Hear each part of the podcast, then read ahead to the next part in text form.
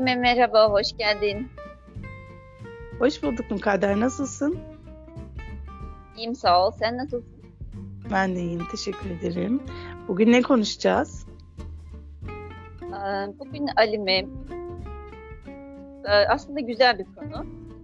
Çocukların zeka gelişimlerine ya da diğer bilişsel gelişimlerine çevrenin etkisini konuşacağız. Bu konuda daha çok senin yorum yapmanı aslında bekliyorum ben. Çevre deyince öncelikli olarak aklımıza ne gelmeli? Bununla başlayalım bence. Çevre deyince küçüklükten başlarsak eğer bebeklikten ilk önce tabii ki bize bakan kişiden başlayabiliriz.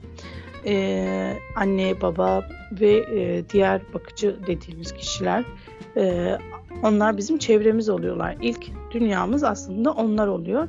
E, ve onların bize karşı olan tepkileri e, ve çevresel koşullar işte onun dışındaki ihtiyaçlarımızın karşılanması, temel ihtiyaçlarımızın karşılanması bunların hepsi aslında e, çevresel koşulların içine giriyor. Tabii büyüdükçe artık bu çevrede büyümeye başlıyor. Yaş ilerledikçe e, çocuk mesela kreşe gittiğinde diyelim ki ya da işte parka gittiğinde parkın içinde bulunduğu mahalle onun çevresi oluyor.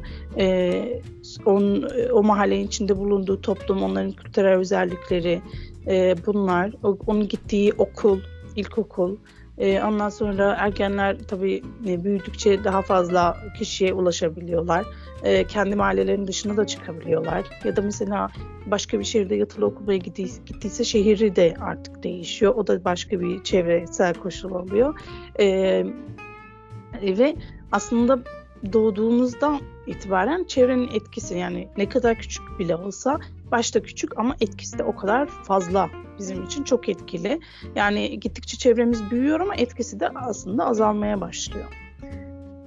Yani o zaman çevre dediğimizde bizi gerçekten ciddi anlamda gelişimimizi etkileyen ama bizim kendimiz dışındaki her şey aslında çevre oluyor değil mi? Evet. Yani benim kendim vücudum, bedenimin içindeki işte şeylerim ne denir hormonlar vesaire genlerimin bana vermiş olduğu bir takım e, katkılar.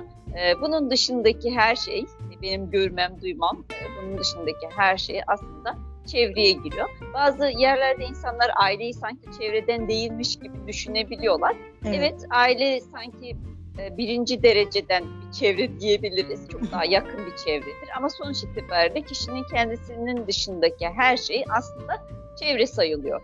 Değil mi? Evet kesinlikle. E, maddi durumumuz, sahip olduğumuz imkanlar ya da olmadığımız imkanlar e, tabii bunlar da çok etkili. İçinde bulunduğumuz çevreyi etkiler ve tabii ki bizim yaşantımızı da etkiliyor. Ee, işte bugün konuşacağımız konu aslında zekayı ne kadar etkilediği. Ee, önceden yapılan araştırmalarda biz şunu öğrenmiştik. Hani %50, %50 genetik, %50 de çevre etkiler diye öğrenmiştik. Ama sonradan yapılan araştırmalar ve biraz daha da belki insanların birbirleriyle olan etkileşimin artması sonucu yani birbirlerimizin artık evlerine daha kolay girebiliyoruz teknolojiyle beraber. Bunun sonucunda da aslında çevrenin etkisinin ne kadar daha fazla etkili olduğu e, ara, yapılan araştırmalarda ortaya konuyor ve e, bu biraz biz belki bizim düşündüğümüzden daha fazlası. Çünkü küçük yaşlarda yani hani 0-6 yaşında diyebiliriz. Küçük yaşlarda çevre bizi, zekamızı %80 oranında etkileyebiliyor. Yani ne kadar zeki olursak olalım, ne kadar zeki doğarsak doğalım, e, çevremiz eğer kötüyse, çevresel koşullar, hani e, mesela artık e, e, artık raporlarda da yaran eksikliği diye e, bir şey var, bir tabir var. Bu da e, çevresel koşulun eksikliği demek aslında. Yani bir zekanın gelişmesi için gereken şeylerin olmaması demek bir anlamda ve bunların sonucunda da gerçekten bir zeka geriliği bile e, bazen ortaya çıkabiliyor. E, yani e, zeka geriliği ne kadar ortaya çıkıyor? Yapılan araştırmalarda gene baktığımız zaman e, bir çocuğun zekasını çevresel koşullar 15 puan artırabilir, azaltabilir. Yani çok kötü olursa eğer 15 puan kadar geriden e, gelebiliyoruz biz. Aslında ciddi bir rakam değil mi? Çünkü e, ben e, zeka testi yaparken e, çalıştığım yerde en son eğer ki kişinin zekası 80'in altındaysa rehabilitasyona ihtiyaç duyabiliyor. Evet. Mesela 70 düzeyindeyse IQ e, rehabilitasyona ihtiyaç duyuyor. Özel öğretime gitmesi gerekebiliyor. Engel Hatta sayılıyor. biraz daha altında olduğu zaman evet engel sayılıyor. E, ama 80'in üstündeyse mesela bir işte e, 80'e baz alırsak 15 yukarısı 95 iyi bir zeka. 15 gerisi e, işte evet. 10, e, 65 oluyor ve gerçekten düşük bir zekaya tekabül ediyor ve bu gerçekten çok ciddi bu şey yani çok ciddi bir rakam. E, bir uyaranın etraftan gelen bir uyaranın insanın zekasını bu kadar etkiliyor olabilmesi aslında bizlerin de çocukları yetiştirirken gerçekten e, onlara e, onlara çeşitlilik sunma bakımından yani çevresel çeşitlilik sunma bakımından ne kadar önemli olduğunu da bize gösteriyor. Evet kesinlikle. O yüzden yani e, hep zek- zekaya böyle evkiler olur ya aslında e, ne kadar dediğimiz gibi zeki de olsa bile bir kişinin zekası ya da yetenekleri hani e, çok becerikli olduğu konular vardır ya insanlar müzik ya da resim konusu gibi mesela onlar gerçekten e, hiç ortaya çıkarılmadan köreltilebiliyor durumda. Eğer e, çevresel koşullar buna uygun değilse. E, evet bazı insanlar mesela e, merak duyarlar. Mesela eğer genetik olarak yatkınsa ki bir müzik aleti çalmaya yatkınsa eğer gerçekten onu yapmak için çok meraklı olurlar. İlgi ilgileri ona göre olur. Ama tabii e, çok engellenirse eğer o şeyi yapması için engellenirse bir süre sonra e, o yeteneği de gerçekten kaybolabilir aslında burada şeyi de düşününce biraz hani böyle filmlerden ve çevremizden biraz e, bazı örneklere baktığımızda mesela işte müzisyen bir e, insanın e, çocuklarının müzikle ilgileniyor olması aslında maruz evet. kalmayla, uyaranla ilgili bir şey çocukluklarından itibaren ya da e, çiftçiliği yapan birisinin çocuklarının buna daha yatkın olması aslında e, bu çocuğun zekasının e, o yönde gittiğinden daha çok evet yani uyarıcılar bu noktada olduğu için zihin bu noktada gelişiyor. Ee, aslında bir takım becerileri de çevre etkiliyormuş gibi geliyor bana. Yatkınlıkları da çevre etkiliyormuş gibi geliyor. Çünkü bir şeye maruz kalırsak bir şekilde maruz kalıyoruz. Bazen hoşumuza gidiyor bu şeyler, bazen gitmiyor. Hoşumuza giderse o uyaranı takip ediyoruz. Yani kendimizi o alanda geliştiriyoruz. Ama hoşumuza gitmediyse bu şey o zaman da onu takip etmiyoruz. Ama her halükarda uyaranlar çok önemli. Çünkü neyi sevip sevmediğimizi bile aslında bu sayede anlıyoruz. Çok fazla etrafımızda uyaran yoksa neyi sevip sevmeyeceğimizi de çok bilemiyoruz. Yani önümüzde sadece bir tek seçenek varsa ona gidiyoruz. Yani onu sevip sevmediğimizi evet. düşünmüyoruz. Çünkü başka ikinci bir seçenek yok yani. Aynen öyle. Onu hiç görmeyeceği için onu ortaya çıkarması da tabii ki de e, çok zor. E, ama mesela gene de genetik de etkili oluyor çünkü e, diyelim ki e, yani anneden babadan gelen bir müzik yeteneği var mesela bir resim yeteneği var. Eğer o sonradan ortaya çıkarsa yani sonradan bile görüntü mü gitti? Gitti. Sen ee, devam sonra da, sonradan gene kendini geliştirmek adına e, bir şeyler yaparsa kişi gene o yeteneğini biraz biraz ortaya çıkarabilir ama çok çocukluktan beri öğreneceği kadar e, yetenekli olmayabilir o konuda. Yani tamamıyla yüzde yüz hani hiç yapamaz o yetenek körelir de dememek lazım. E, onu sonradan da belki biraz geliştirebilir ama tabii ki de çok zor olur. Ben bununla ilgili bir çalışma okumuştum Alime. Çalışmada şöyle bir şey diyordu. Ee, şimdi müzisyenleri özellikle bu e, sanat okuluna giden öğrencileri belli kategorilere ayırıyorlar. E, norm, amatör düzeyde, orta düzeyde ve üstün düzey olarak ayırıyorlar. Ve şunu merak ediyorlar, e, bu çocukların hepsinin aslında yatkınlığı var müziğe karşı. Birbirlerini, yani bu çocukları birbirinden ayıran şey ne? E, ve yapılan çalışma, uzun dönem yapılan takipler şunu gösteriyor olanlarını olanları diğerlerinden ayıran şey aslında diğerlerinden çok daha fazla pratik yapıyor olmaları. Aslında onların çok daha üstün zekalı olduğundan değil. Çok daha fazla pratik yapıyorlar. Çok fazla pratik de o işte ustalığı getiriyor. Ustalık da ister istemez e, bir gün daha fazla evet. bir tanınırlık ve daha fazla bir e, yani beceri birlikte getiriyor aslında. Evet. Aslında bu, e, bu en çok şey ikizlerde ortaya çıkıyor. Yani ikizlerden anlaşılabiliyor. Çünkü genetik olarak her şey aynı. E, ama çevresel koşullar değiştiğinde neler değişiyor diye, zeka ne kadar değişiyor diye baktıkları zaman gerçekten de e, çevresel koşulları uyaran eksikliği yani çevresel koşulları kötü olan uyaran eksikliği çok fazla olan, e, çok fazla şeye maruz kalmayan, çok fazla öğrenme, eğitime maruz kalmayan çocukta e, ikizine göre e, 15 puan daha düşük zeka seviyesi görüldüğü tespit edilmiş. Bu da e, dediğim gibi her şey aynı ve çevresel koşullar bile değiştiğinde gerçekten ciddi bir rakam, ciddi bir şekilde e, farklılıklar görülüyor. Yani de, zeka puanın 100 ise 115 olduğunda biraz parlağa gidersin. E, geri evet.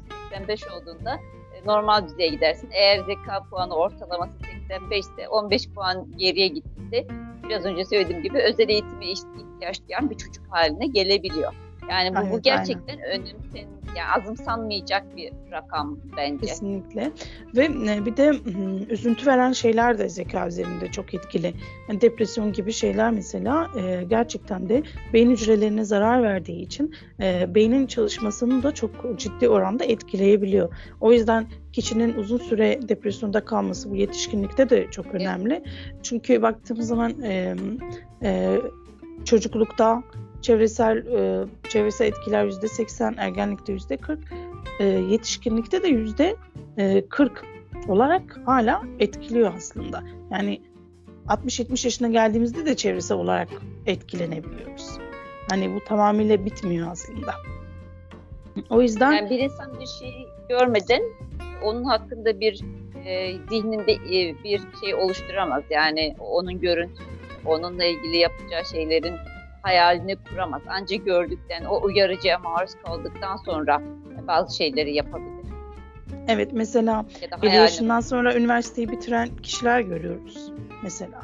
60 yaşından sonra üniversiteden mezun olan insanlar görebiliyoruz ya da bir müzik aleti çalmayı öğrenen kişiler var. Bunlar tabii ki de o çevresel koşullar onları sağlamasıyla alakalı bir şey. Yani e, üniversite olmayan bir yerde eğer yetiştiyse tabii ki onları öğrenmeye, öğrenmeyeceği için o konuda kendini geliştiremeyecek. Ama çevresel etkiler var, her şey hani o koşullar var, sağlanabiliyor. Doğal olarak öğrenmesi de çok daha kolay oluyor ve bu da ona bir şeyler kattığı için e, zekasının gelişmesine de katkı sağlamış oluyor.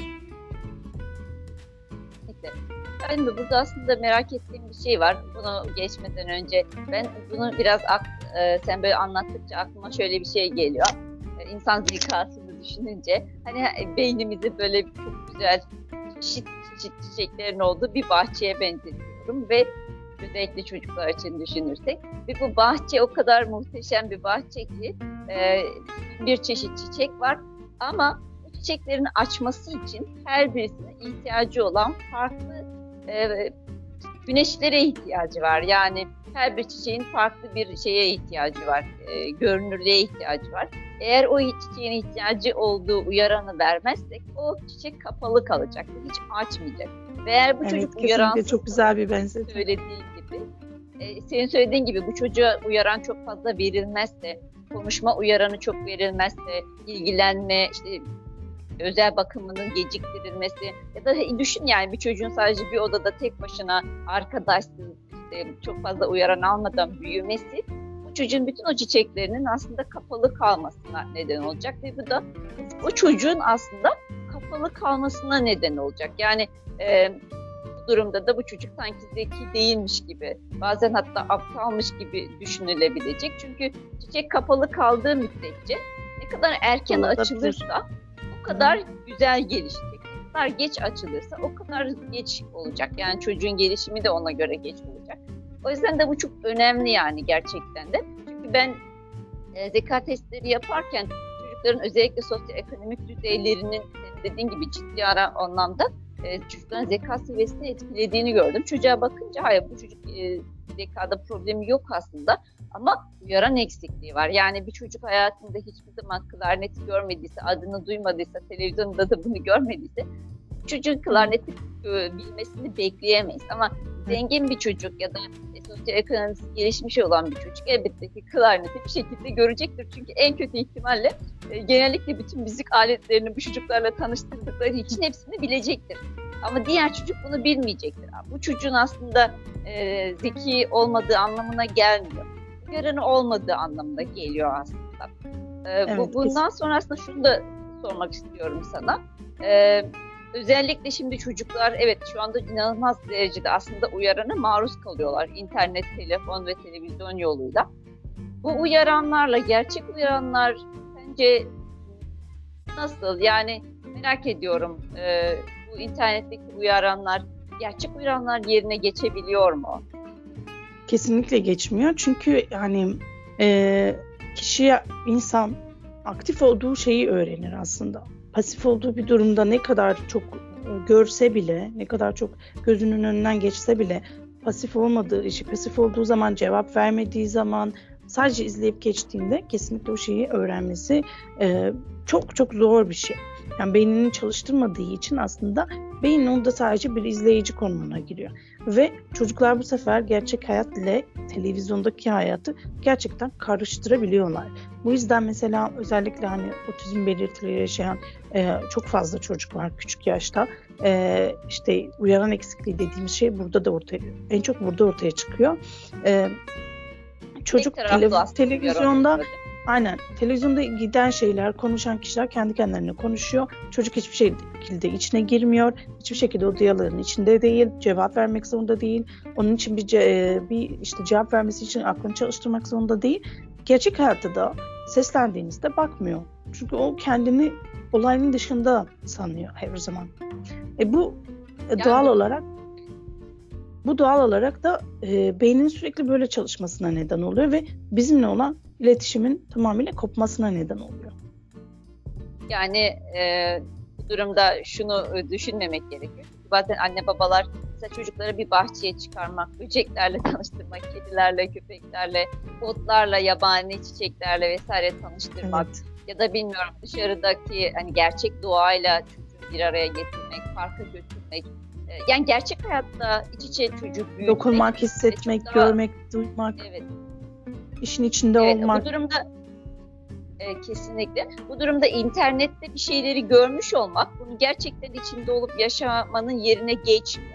Kesinlikle geçmez. Yani aileler şu an işte sayıları öğretmek, renkleri göstermek gibi şeylerden dolayı sadece e, bunlardan dolayı çok fazla telefon, televizyona izin verebiliyorlar. Bunların sağlıklı olduğunu, normal olduğunu, buradan öğrendiğini düşünüyorlar. Ama zaten bizim özellikle küçük yaşlarda kaygımız zaten bu olmamalı. Yani renkleri öğrense bile bir çocuğun kafası e, yani sosyal ilişkilerde iyi değilse eğer e, bu zaten büyük bir sorun haline gelir. İstediği kadar renkleri bilsin, istediği kadar sayıları bilsin. Ama bizim için şu an önemli olan şey çocuğun aktif olması. E, ve önceden sadece beynimizin çalıştığında yani sadece böyle akademik becerileri düşündüğümüz zaman beynimizin çalışacağını düşünürlerdi. Araştırmalar öyle gösteriyordu ama şu an bakıldığında aslında motor becerilerin de beyin gelişimine çok katkı sağladığı görüldü. Yani oyun oynamak kesinlikle e, işte bir yerden bir yere atlamak bile, zıplamak bile, işte toprağa basmak bile aslında beyni geliştiren bir aktivite. Yani orada Peki, konuşmuyor belki ne... düşünmüyor diye düşünüyoruz ama öyle değil aslında. Yani hani hepsi aslında bir bütün. Yani bir çocuğun sadece bir sandalye oturup önüne telefonu ya da televizyonu karşısına alıp onu izlemesi aslında bir şey öğrendiği anlamına gelmiyor. Çünkü öğrenme aslında bir bütündür. Yani evet. soyut şeyler de olmuş olsa yine de öğrenme bir bütündür. Davranışsal parçasıyla, evet, motor becerimi. parçasıyla, dokunma parçasıyla her hepsiyle bir bütündür. Birisi eksik kaldığı zaman bir şeyler yerine oturmuyor. Evet. Mesela el avuçlarımızın içinde duyu reseptörleri var ve bunların direkt aslında beynimizle bağlantılı. E, elimiz bir hamurla oynadığı zaman, bir yemeği böyle mıncıkladığımız zaman bile farklı bir e, farklı bir materyale dokunduğumuz zaman direkt beynimizi e, uyaran gönderiyor. Ve beyin her uyarıldığında tabii ki de çalışmış oluyor aslında.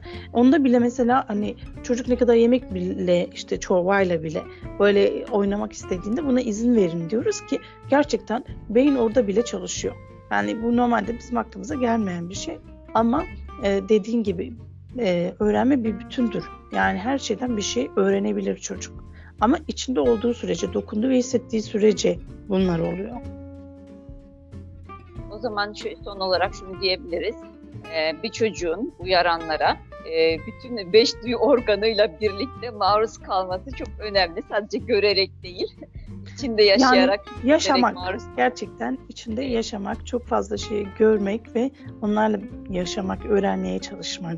E, tabii ki herkes müzik aleti çalmayabilir tabii ki herkes resim yapmayabilir ama önce bir göstermek gerekiyor. Gerçekten yapmıyor mu yapamıyor mu ilgisi yok mu? Tabii ki ilgisi olan şeye e, yönlendirmek gerekiyor ama onları görmeden de neye ilgisi olduğunu bilemeyiz eklemek istediğin başka bir şey var mı Halime? Ee, teşekkür ederim. Eklemek istediğim başka bir şey yok.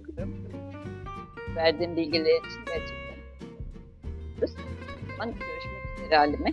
Görüşürüz. Herkese iyi haftalar. İyi haftalar. Lütfen programımızı paylaşmayı unutmayınız. Beğenmeyi de unutmayınız.